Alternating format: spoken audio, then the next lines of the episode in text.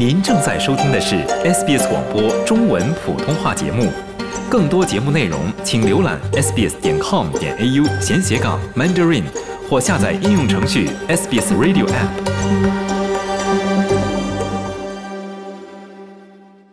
听众朋友们，大家好，欢迎您收听本期的节目，我是雨夜。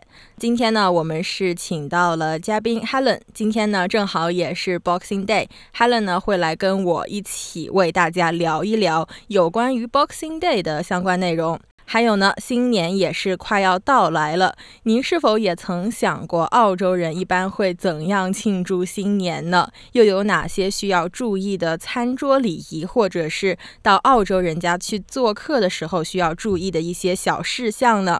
今天呢，我们就是请到了 Helen 来和大家一起科普，来说一说这些事情。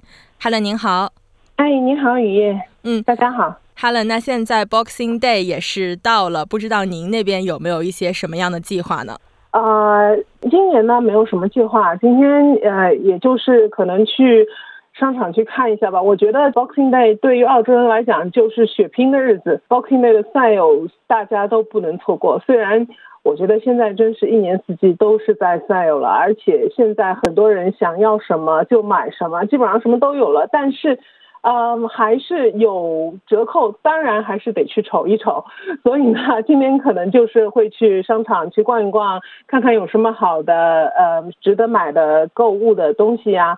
呃，但是呢，就作为澳洲人来讲，我觉得 Boxing Day 还有很多情况下，就是呃上一期好像说到圣诞节，呃大家家里人一起过嘛。但是大家也知道，我觉得澳洲人有一个很有趣的现象，就是要不 Dinks。就是丁克族，要不呢就是呃生很多孩子，所以有的时候呢，一个圣诞节当天可能家里顾不过来，有可能就是没有见的亲戚吧，应该 Boxing Day 都把他给去见完了。嗯，没错，就我目前认识的很多澳洲的朋友啊，也都是把二十五号和二十四号一般是留给家人。二十四号如果是有宗教信仰的话，很多会去教堂守夜；二十五号下午的话，会一起在家拆礼物啊，然后吃饭呢什么的。再说到 Boxing Day，虽然澳洲人平时给很多人的印象是一种比较土澳，也是不太会被那种消费主义洗脑的，但是到了 Boxing Day，还是可以看到非。常多的澳洲人起大早去商场血拼，然后去买一些价格非常合适的东西，所以说也是一个非常有意思的节日吧。对对，因为很多澳洲人就是呃家里的一些日用品啊，很多都是在 Boxing Day 那一天就把一年的就给置办齐了。如果要换的话呢，就是到 Boxing Day 去买新的，随后接下来一年就高枕无忧。一年高枕无忧，那看来这 Boxing Day 的购物的压力还是挺不小的呀。嗯，对。嗯，再说到刚才 Helen 也是说啊，如果是家里有很多亲戚朋友的澳洲人的话，一般会选择不在圣诞当天去跟亲戚朋友们见面，而是选在 Boxing Day。那不知道如果是新年的话，澳洲人一般都会和哪些人一起过呢？新年呢，我觉得就据我观察，我身边的朋友啊，新年一般都是朋友，就特别好的朋友，大家聚集在一起，也就是跨年吧，呃，在一起跨年。随后呢，呃，就像圣诞是留给家人，新年就是留给朋友，因为呃，大家会喝点酒啊，有时就是跳舞啊这种之类的，所以呢，新年就比较疯狂。圣诞的庆祝呢，还是比较低调的，我觉得就是新年的话呢，大家就是呃，完全都不顾一切的，都要好好的庆祝跨年了。嗯，是圣诞的时候，我一般会在 Boxing Day 当天去和朋友玩一个在澳洲人圈子里也是非常火的一个小游戏啊，叫做 Chris Quingo，然后。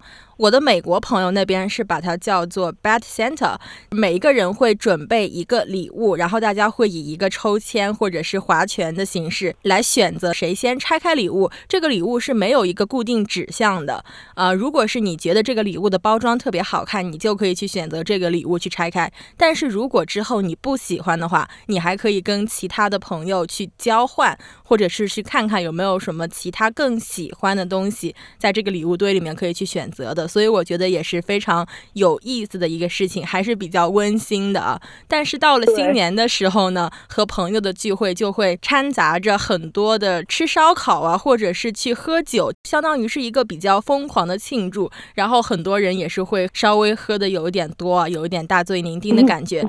那这边就可能想让 Helen 科普一下，如果是去澳洲的朋友家吃饭，或者是跟澳洲的一些朋友一起庆祝新年，有没有一些要注意的事项呢？这个呢要看，呃，新年呢，我觉得大部分呢，其实可能是烧烤吃的比较多一点嘛，因为尤其是呃夏天呐，或者天气暖和的时候，澳洲人对他们的 barbecue 是真的是钟爱有加。通常呢，我有朋友就一周五顿、六顿、七顿，他全都是在 barbecue 上面，就一个 barbecue 就是准备了一周的晚餐，是这样。所以呢，去 barbecue 的话呢，就是比较休闲一点，大家呢也不用特别注意。但是如果有人邀请的话呢，我觉得最好呢得问一下，就是 Do you need me to bring something？就是您要不要我带一点什么东西过来？有的呢会说，哎，可以啊，带一个色拉，带一个甜品啊，很好很好的朋友，非常亲近的朋友，通常呢会这么问，这样呢你就可以带一个色拉，或者他们说的就带什么。但是有的时候，如果主人说不用，什么都不用带的话，那还可以带一些小礼品，但是千万不要带吃的东西，尤其是吃的菜啊之类的，不然的话呢，因为。有的时候呢，有些主人是很地道，他会把整个菜谱都安排好。呃，你这样带一个过去就比较突兀了。随后呢，呃，如果是呃 barbecue 呢，一般是在后院，那就没有这个问题。但是呢，如果是一个比较正式的新年大餐，那么当然了，一般是在室内进行的。呃，澳洲人呢，我觉得我们都喜欢去国内去走亲戚啊，去见朋友啊，一般都进门就会脱鞋，随后呢，他们让让你换他们自己准备的拖鞋啊，或者给你个鞋套。但是澳洲呢，很多地方都没有这个习惯，呃，也有人有，所以呢，如果去的话呢，尤其是如果门一开，你看到大片的地毯，那个时候我觉得最主要的是得问一句，呃，Would you like me to take my shoes off？嗯，没错，把鞋给脱了。呃，随后呢，他们可能说，呃，No No No，Don't worry about it。但是还是最好再来加一句 Are you sure？呃，然 后看他们是不是，如果他们真的说不脱，那也不用拘泥，就不用脱了。但是如果怎么说呢，有澳洲朋友来你家玩呢，你可以要求他们脱鞋，这个呢，他们不会把它作为一个冒犯的事情，他们也会觉得很正常，因为呃，我相信很多的澳洲人在自己家里其实是不穿鞋的。说实话，有的澳洲人赤脚在外面走都不是一回事，但是呢，叫他们脱鞋很正常。但是让他们穿你准备好的拖鞋呢，在澳洲人的眼里可能就有一点点奇怪了，因为他们一般不会去穿别人的鞋，所以就直接让他们就是鞋脱了或者穿着袜子就在呃家里走就好。随后呢，说起如果是 barbecue 的话，那么怎么吃？反正怎么开心怎么吃吧，大家围着一个桌子啊，或者站着就比较休闲。所谓的礼仪呢，也不是特别的古板死板。但是呢，如果是比较正式的大餐呢，因为西餐一直有人说，哎，那个刀叉用那么多。一般来讲呢，一个 seasoned。Host 就是说，一个经常宴客的人呢，他会知道他有几道菜，他就会放几副刀叉。只要记住从外往里用一道一道来就可以了，就没有什么问题。随后呢，我觉得就是我们亚洲人吃饭喝汤啊，有汁水的东西，可能声音比较响，因为我们会吸。对我们来讲，这个并不是不礼貌的，但是对澳洲人来讲。就觉得不礼貌，so no slurping，就是啊，比如说吃面条 就是吸。我现在说实话，因为我在这儿时间待久了，就怎么说呢？就是 when in Rome, do what the Romans do，入乡随俗嘛。所以我现在。让我去那个嗦那面条，我都嗦不会了。所以呢，就这一些当经典。随后呢，还有就是，其实我以前小红书上写到过，呃，我有很多朋友留言说，哎，其实国内有好多人也已经不这么做了。的确是，就是 double dip。因为如果是吃餐前的小点心的话，就比如说去吃那个 dip，不能在 dip 里蘸一下，咬一口再去 dip，这个呢不太卫生，而且呢会让澳洲的人就觉得哎有点皱眉哈。呃，还有一个呢，就是我们作为宴客的人，就是国内宴客，我估计现在也应该很少，尤其疫情当下，可能更少了吧。就是我们觉得是作为一个东道主的礼仪，帮客人去夹菜，给他加很多菜，就是把最好的夹到客人碗里。嗯，那在澳洲可能不太可能，因为如果是真的是坐下来的大餐呢，很可能就是他已经帮你分好了。但是即便大家如果去 barbecue。的话，也不要帮别人去加，除非就是操作 barbecue 的人，他可以给你加这个加那个，最好不要帮人去加，尤其是不熟的人，因为他们并不习惯这么做，而且疫情当下，也可能大家也必须呃稍微注意一点。其他呢，呃，我觉得应该没有什么，因为澳洲人总体来讲，我觉得澳洲人还是很随意的。嗯，一般说到吃饭这一点啊，亚洲特别是有我们有中国背景的人都会非常的客套。就像刚刚 Helen 说到的夹菜这一点啊，比如说你觉得这个菜非常的好，想让宾客去多吃一点，你就会给他夹菜，这个也算是客套的一种吧。但是澳洲人他们能够理解这种客套吗？怎么说呢？因为一个人。他的所作所为，就除了那个动作以外，还有脸部的表情，所以我觉得他们能够理解你其实是客气，对吧？是客套。但是呢，他们就是还是会觉得不自在。凡事没有绝对，如果是特别要好的朋友啊，或者特别特别休闲的 relax 的那个场所，这可能问题不大。不然的话呢，还是不用这么做的就比较好一点。而且怎么说呢，就是待人接物，对我来讲就不一定要做哪一种行为才是有礼貌的。你说话也可以有礼貌的说，而且有其他很多方面可以表示出自己的礼貌。嗯，没错，非常的同意啊。但是也是有一句中国老话说“不知者无罪”。有的时候，你如果是好心办了坏事，也不要过于的去谴责自己，毕竟还是有一个文化的不同所存在的。嗯，对对，而且呃，而且呢，因为我我记得现在比较流行一句话，只要我不尴尬，尴尬的就是别人。因为我觉得，其实澳洲人真的是，因为澳洲人一直说自己是非常 laid back。就是非常的什么都不是特别计较的，所以呢也不用担心。就是如果记住了就不要做，不记住一下做了，我觉得他们也不会真的是觉得哎你这个人怎么这么没礼貌。嗯，大多时候还是可以去理解的。那说到这个跨年的大餐，Helen 今年有没有什么跨年的大餐，或者是有没有什么菜谱之类的比较澳洲的一些食品可以跟我们分享一下呢？啊，今年其实我我们一般来讲，新年跨年，呃，我们一般其实不吃大餐了，等于是呃 barbecue，最后呢就叫呃一群朋友。但是今年呢，我是会去朋友家里，所以呢自己没有准备。但是呢，澳洲人呢，我觉得就是圣诞新年哈，一般圣诞来讲呢，火鸡、火腿这个是不可少的。随后呢，呃，在圣诞布丁就是呃 Christmas pudding，但是这个 pudding 呢，跟我们想象中的布丁就是不太一样，就是澳洲的 classic，澳洲的经典甜品。甜到齁，但是呢，呃，现在呢，我觉得很多澳洲人，即便是在圣诞节的时候，也有的时候就选择不吃火鸡、火腿之类了，因为这个呢，其实是传承了英国后代嘛，所以它传承了英国的传统。但是呢，因为英国是圣诞大雪纷飞。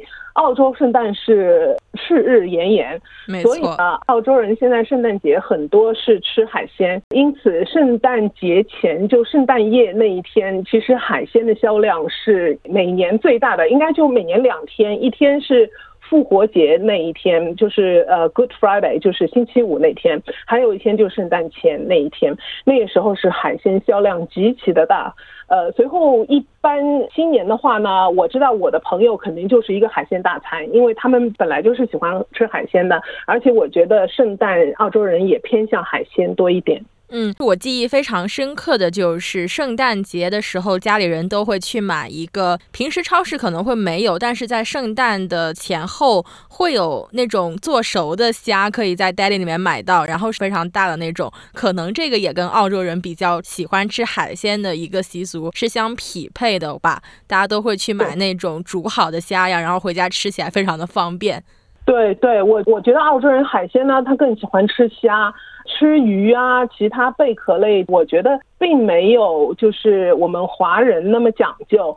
我把它归结为就是澳洲人吃海鲜呢，他们。懒得去，因为很多鱼有骨头啊。虽然说海鱼骨头很少，但是对他们来讲已经是，哎，我这个骨头太多，不行，不能不能 handle。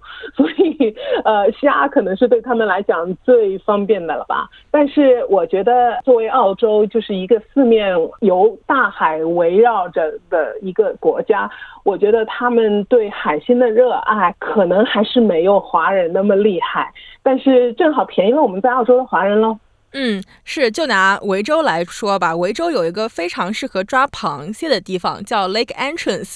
然后我之前是去玩的时候，那边在抓螃蟹的，拿着臭鸡架抓螃蟹的，大多都是华人，很少去看到澳洲本地人的面孔，也是说明了还是可能说华人对海鲜这方面，特别是那种有壳的、带壳的，吃起来还是更为的在行一点。也正像 Helen 说的，正好如果澳洲人不爱吃，正好是让我们华人可以多想。享口福了，对，没错。那说到这边呢，澳洲还有一个非常也可以说是比较传统的跨年的一个活动吧，就是跨年的烟火。呃，每年悉尼大桥那边呢都会有非常非常好看的烟火，可以请 Helen 给我们展开来稍微说一说吗？啊，其实呢，因为我是墨尔本的人，所以呢，我对悉尼的烟火，呃，目前还没有去悉尼去看跨年烟火过，只是在墨尔本看，所以对悉尼的烟火呢，不能说特别的了解。但是呢，澳洲它，我觉得它有一个天时地利的方面，因为它是整个世界上最早跨年的几个国家之一嘛，嗯，呃，所以呢，澳洲等于是烟火是领先的。随后呢，呃，我觉得澳洲呢，就是呃什么呢？他会都会考虑到小孩子跟成人之间不同的需要，不管是悉尼也好，墨尔本也好，哪怕是你自己自家住的那些市政的小区，他们有的时候呢也会安排烟火。随后呢，一般是会在九点之前先放一场，这是让小孩子看的。随后呢，小孩子睡觉了，在跨年就是十二点的时候，那一场是最主要的一场了。嗯，随后悉尼呢，我觉得悉尼真的是除了那个时差上面的天时地利人和之外，还有悉尼的歌剧院跟悉尼的大桥，我觉得真的是世界上可能最适合放烟火的地方。因为那个歌剧院它可以有许多灯光的投影，本来就是一个非常漂亮的贝壳状的那个歌剧院，再加上投影就可以弄得特别的漂亮。最后悉尼大桥，不知大家知不知道？它有一个绰号叫 The Coat Hanger，就是衣架子，因为它看上去有点像一家子。澳洲人比较喜欢起绰号，所以呢，悉尼大桥它放烟火，我觉得应该是全世界都有名的吧，因为它的形状啊，它的呃优势就是可以。给人一种瀑布一泻千里的感觉，所以我觉得每年悉尼的烟火真的是在我看来，因为接下来我们也可以看到很多的报道，全世界各地，即便再看到迪拜的高楼、纽约的那一些，我还是觉得悉尼的烟火其实是最好看的。嗯，一方水土养一方人吧。作为在澳洲生活了非常多年的我，还有 Helen 来说，可能澳洲的烟火也是有自己独特的魅力。那刚才 Helen 也是说到自己是长期居住在墨尔本，那墨尔本有没有一些比较值得去看的跨年烟火呢？